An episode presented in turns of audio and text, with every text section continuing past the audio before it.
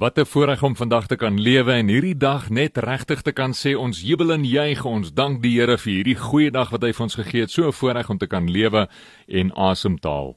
Uh, my naam Charles van Onsel en ek deel weer so 'n bietjie verder vanuit die boek van Ester en soos ek altyd sê vandag is die dag wat die Here gemaak het laat ons juig daaroor en bly wees. Hoekom? Nie net want dis die waarheid nie dit dit die dag is wat die Here gemaak het nie maar dis ook die waarheid want dit is 'n opdrag uit die woord uit wat die Here vir ons gee want hy weet wanneer ons juig en dankbaar is jy weet ek sê altyd vir my seuns Die realiteit is dankbaarheid is die sleutel tot blydskap. Blydskap is die sleutel tot oorwinning. Wanneer ons dankbaar is vir die lewe, wanneer ons dankbaar is vir die goedheid van die Here en die feit om te kan asemhaal om te kan lewe, dan bring dit in ons harte vreugde mee, is dit nie? En wanneer die dankbaarheid en vreugde mekaar ontmoet, dan is daar krag wat loskom, daar's 'n heerlikheid wat loskom, 'n kabot as ons nou dink aan die uh, Griekse woord wat praat van die gewigtigheid van God. Daar's 'n kabot wat loskom of eerder die Hebreëse woord kabot wat praat van die heerlikheid, die krag, die lewe van God. En uh, soos ek vanoggend ook gelees het uit Kolossense 1 waar Paulus praat van die lewe van God wat hom energie gee, wat hom in staat stel. Kolossense 1 as jy daarna wil gaan kyk hier by vers 8 9 rond. Maar voordat ek heeltemal te ver van Ester af beweeg. Uh, kom ons bid net hierdie dag en kom ons spring weer in die boek van Ester en ons kyk na hoofstuk 7 vandag ook 'n wonderlike boodskap en hierdie is eintlik die klimaks van die hele reeks uh, uit Ester uit wat ek so ver gebring het en baie opwindend om dit te mag deel met jou. So dankie vir die geleentheid. Kom ons sê net vir die Here dankie vir die dag. Vader, dankie hierdie dag dat ons U kan eer, dat ons kan kies om gehoorsaam te wees aan die opdrag van dankbaarheid, om te kies om gehoorsaam te wees aan die opdrag wat U vir ons gee vir blydskap. Dat ons nie meer gelei sal word deur ons gevoelens, deur hoe ons voel of hoe ons dink oor goeders nie, maar laat ons werklik gelei sal word vanuit die vreugde, die krag, die heerlikheid, die kabod, die gewigtigheid van die teenwoordigheid van God in ons lewens. Dankie vir u goedheid, guns, genade en liefde. Dankie dat u bemoeienis maak met ons. En ek wil vra vandag deur die woord dat u met elke luisteraar sal wees soos wat hulle die woord aanhoor, mag u woord vir hulle lewe bring, rigting bring, duidelikheid bring rondom u wil en u plan wat goeie planne is, planne van voorspoed en nie teëspoed nie. Ons eer u en ons loof u vir u woord in die wonderlike naam van Jesus Christus. Amen en amen.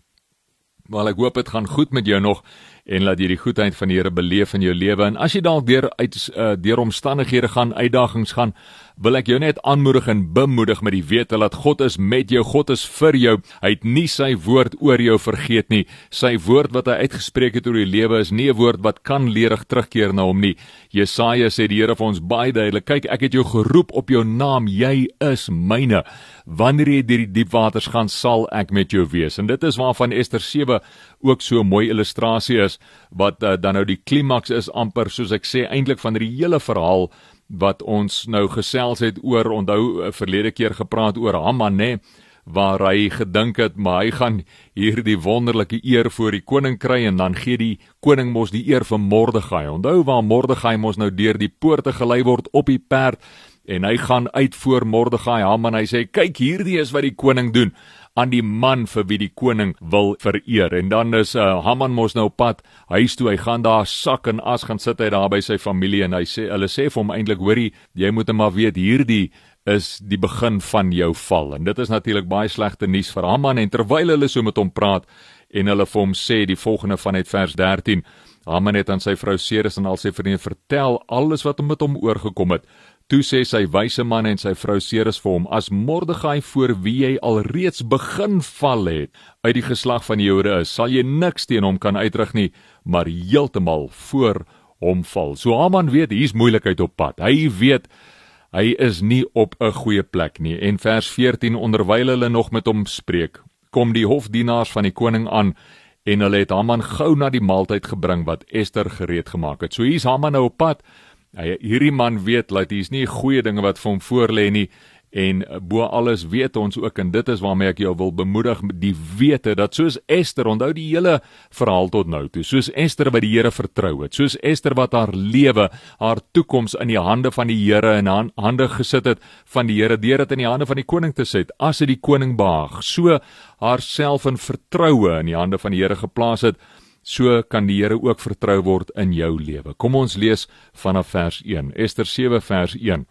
Toe die koning en Haman inkom om saam met koning Ester die feesmaal te hou, sê die koning aan Ester ook op die tweede dag terwyl hulle wyn drink. Nou hierdie is die tweede fees, né? Nee? Onthou daar's dan nou verskeie feeste gewees wat dan nou plaasgevind het op hierdie tweede dag. So dis die eerste fees en nou die tweede fees gewees. Tweede dag terwyl hulle wyn drink, wat is jou bede koning Ester? Dit sal jou toegestaan word. So die koning sê nou weer vir haar 'n tweede geleentheid. Wat jy ook al wil hê, sê vir my, ek sal dit vir jou gee. Hy sê vir haarself en wat is jou versoek? Al was dit die helfte van die koninkryk, daaraan sal voldoen word. Hy sê van ek sal vir jou alles gee wat jy wil hê, selfs die helfte van my koninkryk. Nou weer eens onthou, soos gesê 'n paar weke terug, hierdie koninkryk van die Mede en Pers het gestrek van Indië reg deur na Ethiopië. Nou as jy 'n wêreldkaart in jou kop kan sien vir 'n oomblik, dis ver, dis 'n groot koninkryk van hoe dit gestrek het in daardie tyd. En dis hoekom dit gereken word uh, ook in die boek van Daniël word dit gereken as een van die groot koninkryke saam met die Griekse en die Romeinse ryk want dit was 'n massiewe rykdom gewees. So hy sê van ek sal selfs vir jou helfte van my koninkryk gee. Vers 3 en koning Ester antwoord en sê as ek genade by u gevind het as ek genade in u oog vind dit sien weer eens hoe sy die Here vertrou hier hoe sy vir die koning sê as ek genade in jou oog vind dit o koning en as die koning dit goed vind laat my lewe my geskenk word op my bede en my volk op my versoek. So hierso kom sy nou uit met die versoek voor die koning. Sy sê dit is my versoek. Laat my lewe gespaar word en laat die lewe van my volk gespaar word. Let wel hierso. Sy sê nie laat die lewe van Mordegai gespaar word nie. Sy neem as 'n verlossersbeeld as te ware neem sy die verantwoordelikheid op haarself en sy sê maar ek vereenselwig my met die lot van my mense. Ek vereenselwig my met die noodkreet van my mense. En daarom koning wil ek voor u staan. Ek wil in die bres staan as te ware. Ek wil intree vir my mense en ek wil nie net sê red hulle lewens nie, maar red my lewe ook want dit is hoe ek myself deelagtig sien van hierdie volk waarvan ek deel is. Red my en my mense se lewe vers 4 want ons is verkoop sê sy ek en my volk om verdelg gedood en uitgeroei te word. Nou hierso baie interessant sy gebruik dieselfde woorde wat Haman gebruik het 'n paar hoofstukke toe ons gesels het. Onthou hy daardie brief mos opgetrek nê nee, wat na al die lande en al die provinsies al die stede gestuur was in die koninkryk waarin hierdie briewe het hy mos gesê hy het hierdie woorde gebruik verdelg die volk, dood die volk, roei die volk uit. Dit is hoe ernstig hy is oor hierdie hele haat van hom, hierdie haatspraak van hom, hierdie posisie wat hy inneem teenoor hierdie volk van God. En nou Ester gebruik dieselfde woorde, baie wysheid hierso, baie strategies gebruik sy hierdie selfde woorde, sy posisioneer dit voor die koning. Sy sê maar ek en my volk, ons is verkoop, ons is uitverkoop as te ware. Ons is verkoop om verdelg te word, gedood te word en uitgeroei te word was ons nog as slawe en slavinne verkoop, dan sou ek geswyg het. Sy sê dan sou ek my lot so aanvaar het. Maar hierdie ramp sal onder die verliese van die koning sy weergaan nie hê nie. Sy sê hierdie verliese sal na die koning toe kom. Dit sal onder jou aandag kom en dit sal jou koninkryk ook beskadig. Vers 5 toe spreek koning Ahasveros en sê aan koningin Ester: Wie is hy en waar is hy wie se hart hom ingegee het om so te maak? Wie het hierdie moeilikheid vir jou gebring? Vra hy vir Ester. Wie is die oorsaak van hierdie moeilikheid in jou lewe? Vers 6 Ester sê: "Die teestander en vyand is hierdie slegte Haman." Nou daar word Haman se lot onmiddellik geopenbaar voor die koning. Daar besef Haman nou hier is moeilikheid want dis die koningin wat nou sê maar jy is die slegte vent. Jy's die een wat al hierdie gemors veroorsaak het in ons lewe. Toe skrik Haman voor die koning en die koningin. Hierdie man het nou groot geskrik en die koning het in sy woede van die wynmaaltyd opgestaan en na die tuin van die paleis gegaan terwyl Haman daar bly staan het om van koningin Ester behoud van sy lewe af te smeek. So nou is die tafel omgedraai hierso. Haman is nou op 'n plek waar hy vir die koningin smeek vir sy lewe sien nou net hoe die Here in hierdie situasie ingegryp het. sien hoe hy deur Ester wat hom vertrou het, deur haar lewe en die van haar volksgenote in die Here se hande te sit en die koning se hande te plaas, die versoek, so het sy die Here vertrou en so sê die Here nou eintlik in die situasie, maar hoorie Ester, ek draai jou lot om. Ek draai jou tafel, hierdie tafel draai ek om en nou gaan Haman die een wees wat gaan pleit om sy lewe. En dis presies wat hy hier doen. Hy staan voor koningin Ester en hy pleit vir die behoud van sy lewe, want hy het gesien dat die onheil oor hom by die koning vasbesluit was. Die koning het vasbesluit in sy kop, dit is hoe dit sal wees. Hierdie Haman gaan betaal vir sy onheil en vir die haat wat hy het teenoor my vrou, teenoor die koningin en teenoor haar volk. Vers 8. Toe die koning uit die tuin van die paleis in die saal van die wynmaaltyd terugkom, en Haman juis op die rusbank neergeval het waar Ester op sit, sê die koning. Nou Haman val op hierdie rusbank voor haar neer. Hy is in diep sielsverdriet en hy lê voor haar op hierdie rusbank met sy knieë op die vloer waarskynlik in sy hande op die rusbank en hy's besig om haar te wil as te ware aan die hand neem en sê asseblief het tog net genade oor ons maar hierdie vent hierdie Haman het nie genade oor Ester en haar mense gehad nie so in hierdie plek sê die koning vir haar toe hy nou daar inkom sê hy vir haar en vir Haman terwyl die koning inkom sien hy die storie wat daar afspeel. En hy sê vir Haman wil hy die koningin ook nog geweld aandoen by my in my huis? Die woord was nouliks uit die mond van die koning of hulle die gesig van Haman bedek. So hierdie is 'n situasie wat eskaleer. Haman besef die doodsvonnis word oor hom gevel Nou pleit hy vir genade en onmiddellik terwyl die koning se woorde nog nie heeltemal kuit uit sy mond uit is nie, kom die dienaars en hulle sit 'n sak oor Haman se kop. Nou hierdie was 'n teken gewees van natuurlik die doodsvonnis wat voltrek gaan word, nê? 'n Sak oor iemand se kop. Haman besef hierdie is nou die einde. Hier's nou groot moeilikheid. Dis nou verby. Daar's geen meer omdraai kans vir hom nie. Vers 9 Daarom sê Harbona, een van die hofdienaars voor die koning, daar staan reeds die galg wat Haman laat maak het vir Mordegai wat ten voordele van die koning gespreek het. Dis die galg wat hy gemaak het vir Mordegai wat ten voordeel tot voordeel van die koning gespreek het by die huis van Haman 50 el hoog. Toe sê die koning hang hom daarop gaan hang hom op daardie eie galg, daai selfde galg wat hy gemaak het vir Mordegai. En so word Haman toe nou opgehang en so kom sy saak wat hy teen die volk hou, sy haat wat hy teen die volk hou, so kom dit tot 'n einde. En ek wil jou net bemoedig daardeur om te weet dat God werklik alles ten goeie sal meewerk vir jou, maar nie net dit nie, daar's meer aan die boek van Ester en ek gaan vlugtig deur die res van die hoofstukke gaan, hoofstuk 8, 9 en 10. In kort sal jy sien as jy deur hierdie hoofstukke gaan, sal jy sien hoofstuk 8 op dieselfde dag het koning Ahasveros aan koningin Ester die huis gegee van Haman. So Ester kry die huis van Haman, die teestander van die Jode en Mordegai het voor die koning gekom want Ester het vertel wat hy van haar was. So Mordegai openbaar nou alles. Ester openbaar alles en die koning het sy seelring uitgetrek wat hy van Haman afgeneem het en dit aan Mordegai gegee. En Ester het Mordegai aangestel oor die huis van Haman. sien net hoe wonderbaarlik werk die Here in hierdie hele situasie. Weereens wat ek laas keer ook gesê het, Jakobus 4 vers 6 tot 7, 1 Petrus 5 vers 6 wat praat van die beginsels van nederigheid. Mordegai wat in absolute nederigheid voor die Here gewandel het, wat sy lewe toevertrou het aan die Here en Ester, twee partye, twee mense hier wat hulle lewe toevertrou aan die Here en wat verhoog word in die oë van die koning en wat die Here dan ook verhoog in hulle lewe. Die res van Ester 8, 9 en 10 kan jy ook gaan lees, baie insiggewend, maar dit praat dan spesifiek van die koning wat dan nou besluit neem ten gunste van die Jode. Kom ek lees vluggies. Ester het weer voor die koning gespreek en voor sy voete neergeval en geween en nog om gesmeek om die onheil van Haman die Agagiet en sy plan wat hy teen die Jode beraam het te verydel. Onthou nou die briewe is nog daar, nê? In die massiewe koninkryk wat strek van Indië regdeur na Ethiopië toe. In al hierdie provinsies is al daardie briewe en dit gaan uitgevoer word binne 'n kwessie van 'n paar weke op daai stadium gaan dit uitgevoer word en nou moet hierdie hofbevel moet as te ware soos 'n hofbevel wat dit was destyds die koningsbevel nou moet hierdie hofbevel ten tersyde gestel word.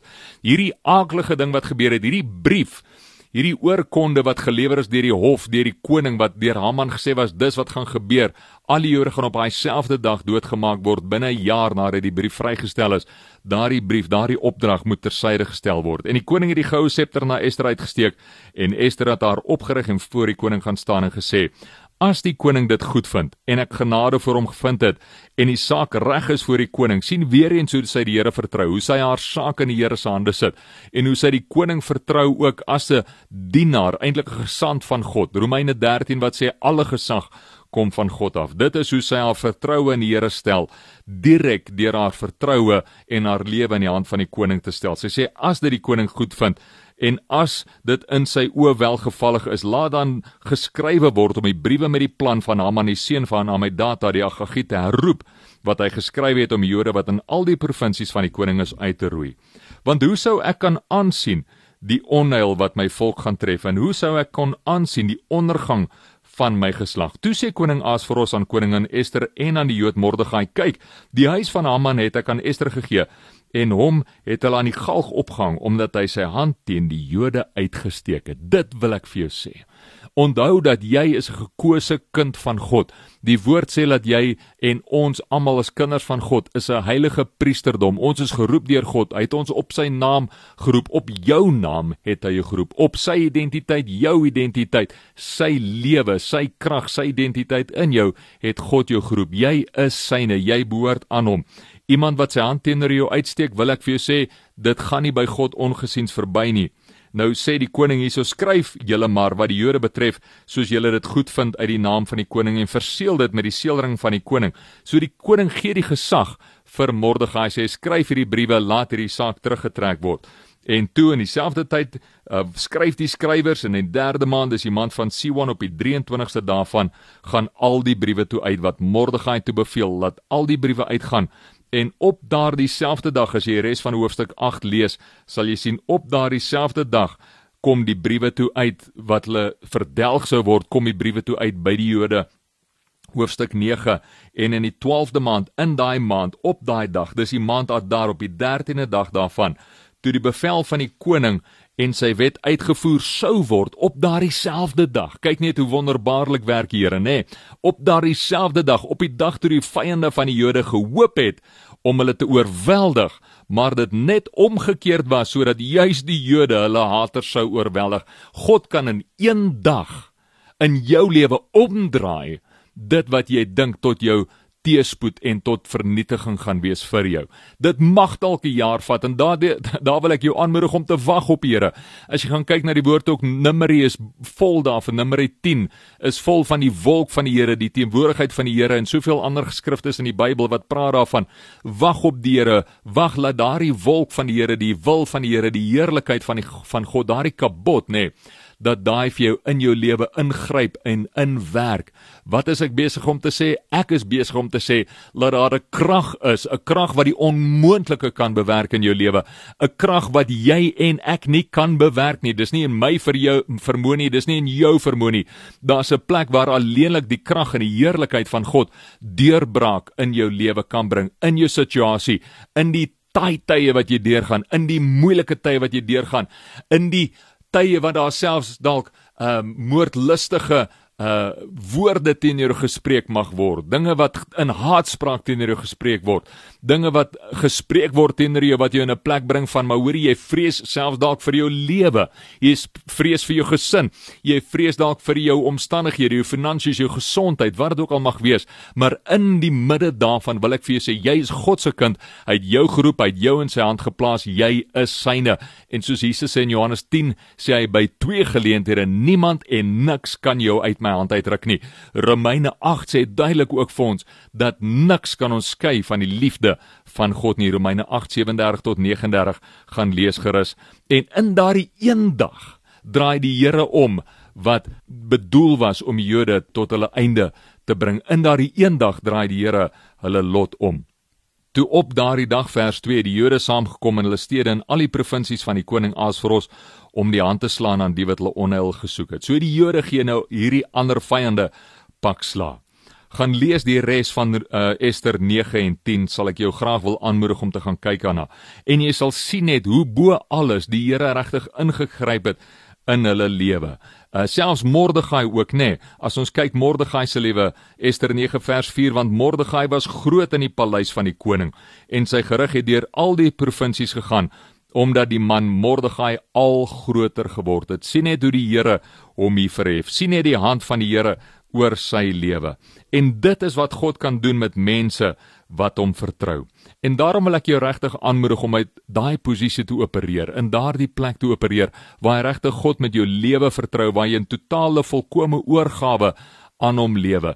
Weet jy, hy is die een wat ons gemaak het. Hy is die een wat vir jou lewe gegee het. Hy is die een wat vir jou die asem gegee het wat jy inasem. Dit is net God wat vir jou die lewe in oorvloed kan gee. Jesus sê in Johannes 10 vers 10, ek het gekom om hulle lewe en lewe in oorvloed te gee.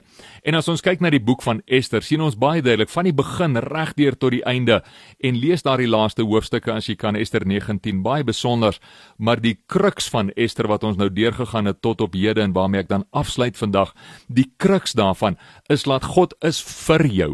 Hy's nie teen jou nie. Hy is met jou, hy's vir jou, hy het jou lief. Jy is geroep deur hom. Hy het jou geroep op jou naam en hy het groot planne vir jou lewe en wanneer daar verdrukking kom, dinge kom wat in opstand kom teen jou, kan jy werklik vir God vertrou en dit is die kruks van die woord wat ek wil uithaal hier uit Ester uit waar ek glo die Here vir jou wil sê vandag waar hy vir ons wil sê maar spesifiek vir jou en jou situasie wil sê jy kan my vertrou en hoe vertrou ons hom Esther illustreer dit vir ons baie mooi. Vat wat ook al daar is in jou lewe, wat jy ook al die Here voor vertrou en bring dit voor hom in gebed, maar nie net gebed nie. Bring dit ook in onderdanigheid as te ware, uh, kom lê dit voor aan jou man as jy 'n vrou is. Kom lê dit voor want die man is die hoof, dis die orde van God. Kom lê dit voor as jy 'n werknemer is, kom lê dit voor aan jou werkgewer. Kom lê dit voor as jy 'n gemeentelid is, lê dit voor aan jou dominee, pastoor, priester, jou geestelike versorger. Dis die orde van God. God werk in orde. Hy is nie 'n God van wanorde nie, sê die woord vir ons duidelik, maar 'n God van orde. Romeine 13 wat sê daarom is alle gesag van die Here af en daarom moet ons onderdanig wees aan die gesag wat die Here daar stel. Die enigste keer wanneer ons teen hierdie gesag mag optree is wanneer hy die woord van God blaatant ignoreer en daarteen kom. Maar dan selfs dan doen ons dit met groot wysheid en omsigtigheid en volgens die beginsels en die riglyne van die woord. Weet dat hierdie God is vir jou. Weet dat hy hierdie gesag bo jou aangestel soos in hierdie tyd met Ester koning Asveros het God hierdie gesag aangestel om uiteindelik ook lewens te red. So ek wil jou ook aanmoedig, moenie oorhaastig in jou situasie optree nie. Moenie oorhaastig optree oor dit wat jy sien in die land gebeur nie, oor die onreg nie. Moenie uit jouself uit optree nie, want wanneer ek en jy die omstandighede probeer manipuleer, wanneer ons die uitkoms probeer manipuleer, dan werk dit nooit behoorlik uit soos wat dit moet nie. Dit mag dalk 'n kortstondige uitwerking hê wat lyk of dit positief en goed is, maar op die langtermyn is dit nie die moeite werd nie. Ek wil met alles in my die liefde van Christus wat my dring vandag wil ek vir jou sê, vertrou die Here met die saak in jou lewe, met dit wat moeilik is, met dit wat jy as sleg en verdrukkend beleef. Sit jou denke op die woord van God, want die woord van God is dit wat lewe dra, dit wat krag dra, dit skerper as enige tweesnydende swaard en dis aktief en dit is lewendig. Jesus sê in Johannes 6 Die woorde wat ek spreek tot jou is gees en lewe. Dis die lewe van God homself. Christus in jou is die hoop op glorie. Nou net om af te sluit rondom Ester, kom ons kyk ook wat het gebeur met haar Mordegai, nê? Nee, sy het haar lewe ook onderwerp aan Mordegai. En dis eintlik die eerste plek van die orde waaraan sy gewandel het, die geestelike gesag waaraan sy haar lewe onderwerp het. Sy het erken dat hierdie oom van my verteenwoordig die gesag wat God bo my gesplaas het en so het sy nie net haar lewe aan hom onderwerp nie, ook aan die aan die koning natuurlik, maar kom ons oorweeg Mordegai vir 'n oomblik as geestelike gesag. Romeine of Hebreërs 13 vers 7 en Hebreërs 13 vers 17 wat daarvan praat wat sê wees onderdanig aan julle geestelike leiers want hulle kyk om, hulle sien om na jou siel. Hulle versorg jou. Wees gehoorsaam en onderdanig aan die gesag wat God bo jou gestel het, die geestelike gesag heel eerstens en dan ook jou menslike geslag soos in huwelike en soos in die regering en soos in die werkplek. Onderwerp jou aan die gesag van God. Dit is die beginsel hierso. En soos wat jy jouself onderwerp aan die gesag van God, aan die hand van God, so sal hy jou verhef. Ek lees vir ons daar uit Jakobus vanaf vers 4 tot 6 en 7 ook wat ek nou al 'n paar keer na verwys het hierdie week en ook die vorige week. Luister net na wat die woord van die Here vir ons sê rondom die beginsel van gesag, want hierdie is wat jou lewe sal red. Jakobus 4 vers 6 tot 7. Maar hy gee groter genade. God gee groter genade. Daarom sê hy: God weerstaan die hoogmoediges, maar aan die nederiges gee hy genade. Die feit is God weerstaan die hoogmoediges. As ek en jy hoogmoedig is, dan kan ons bid tot ons blou in die gesig is. As ons arrogant en trots en hoogmoedig is, kan ons bid tot ons blou in die gesig is, op jou kop staan en sari maar het deur jou tone fluit as jy dit so wil stel. Niks gaan gebeur nie. Ons moet verstaan God gee genade aan die nederiges, maar hy weerstaan die hoogmoediges. Vers 7: Onderwerp julle dan aan God, weerstaan die duiwel en hy sal van julle vlug. Weet jy die konsep van geestelike oorlogvoering wat 'n belangrike konsep is vir baie gelowiges en ek glo ook daaraan, maar ek spandeer nie my tyd en energie elke dag aan daaraan nie want ek het die geheim gevind. As ek jou wil kan aanmoedig, wil ek jou laat besef dat die realiteit van geestelike oorlogvoering die sleutel tot 'n lewe van sukses in geestelike oorlogvoering lê daaraan om jou te onderwerp aan God en aan sy beginsels punt. Onderwerp jou aan die woord van God en die beginsels van die woord en dan sal die vyand van jou vlug want dis mos nou wat die Bybel sê, is dit nie? Hy sê onderwerp julle dan aan God, weerstaan die duiwel en hy sal van julle vlug. Nader tot God en hy sal tot julle nader, reinig die hande. Daarom sê die woord ook 1 Petrus 5 vers 6 wat dieselfde herhaal, onderwerp julle aan God en aan die gesag wat hy bo julle aangestel het en hy sal julle verlossing bring. Hy sal ook genade gee. Kom ek lees 1 Petrus 5 vers 6. Verneder julle dan onder die kragtige hand van God sodat hy julle kan verhoog op die regte tyd. En dit is presies ook wat Ester gedoen het en wat Mordegai gedoen het. Maar hoekom sukkel ons om om onsself partykeer te verneder? Kom ons kyk aan hoekom sukkel ons partykeer om onsself te voorootmoedig voor die Here. Vers 7 en vers 8 gee vir ons die sleutel. Vers 7 werp al julle bekommernisse op hom want hy sorg vir julle. En dan vers 8 sê wees nigter waaksaam want julle teestander die duiwel loop rond soos 'n brullende leeu en soek wie hy kan verslind. Hierdie is direk gekoppel aan die konsep van onderdanigheid aan die Here, onderdanigheid aan sy woord want dit is vir daardie onderdaniges vir wie God genade gee en wanneer ek myself verneder voor die Here, wanneer ek my lot toevertrou in die hand van die Here, wanneer ek myself regtig verootmoedig voor hom, dan doen ek dit vanuit 'n plek vers 7 waar ek ook al my bekommernisse op hom werp want dit is die ingang wat die duiwel kry. Dis die ingang wat die vyand kry. Wanneer ons bekommerd raak oor die uitkoms van ons lewens, wanneer ons ons eie lot probeer bepaal, wanneer ons ons eie heil probeer uitwerk, is dit in daardie plek, juis daar waar die vyand ons vang met vrees en onsekerheid. En daar wil ek vir jou net verklaar die vrede van God oor jou lewe. Doen wat die woord sê. Filippense 4 vers 4 tot 6 en 7. Rig jou denke op God, verbly jou in die Here. Jesaja 26 vers 3. Plaas jou denke op hom en hy sal jou in perfekte vrede hou. Hou jouself geanker in Christus Jesus. Romeine 12:1 tot 2 vernuwe jou denke, want dis in daardie plek van geanker wees in God, geanker wees in God se liefde, in daardie plek waar jy die goedheid, die guns, die heerlikheid van God beleef, soos wat jy jou lewe net in ootmoed voor hom bly bring. Mag jy regtig ervaar hoe die Here jou versterk. Ek weet hierdie was dalk nou so 'n bietjie van 'n ander sessie gewees en alles wat ek deel wil ek jou net aanmoedig om te laat weet ek deel dit regtig uit die diepte van my hart gedryf deur die liefde van Christus en die omgee van God vir almal van ons as die volk van Christus, maar ook die volk van Suid-Afrika. Mag jy beleef hoe die Here in die midde van jou situasie en omstandighede regtig vir jou deurkom soos wat jy hom vertrou met jou lewe. Mag ek vir jou bid. Vader, dankie vir u woord. Dankie vir u goedheid, u guns. Dankie dat ons weet soos Ester en Mordegai kan ons u vertrou met ons lewens. Dankie dat ons weet u is ons opperregter en laat u die beste, die goeie dinge sal laat uitwerk volgens u perfekte wil en plan en dat daar niks is waaroor ons hoef bekommerd te wees nie. Laat ons al ons bekommernisse op U kan werp en onsself so kan verootmoedig voor U. En so wil ek bid vir elke luisteraar. Ek wil bid dat U hulle sal ontmoet en sal versterk in hulle situasie. Mag hulle regtig ervaar en beleef die goedheid van God, die heerlikheid van God, die krag van die Here, hoe dit aktief in elkeen van hulle se lewens inwerk. En so spreek ek vandag net U guns en U seën en U vrede oor elkeen wat luister In die naam van Jesus Christus bid ek dit. Amen en amen. Mag die teenwoordigheid van die Heilige Gees met jou wees en die vrede van God wat alle verstand te bowe gaan.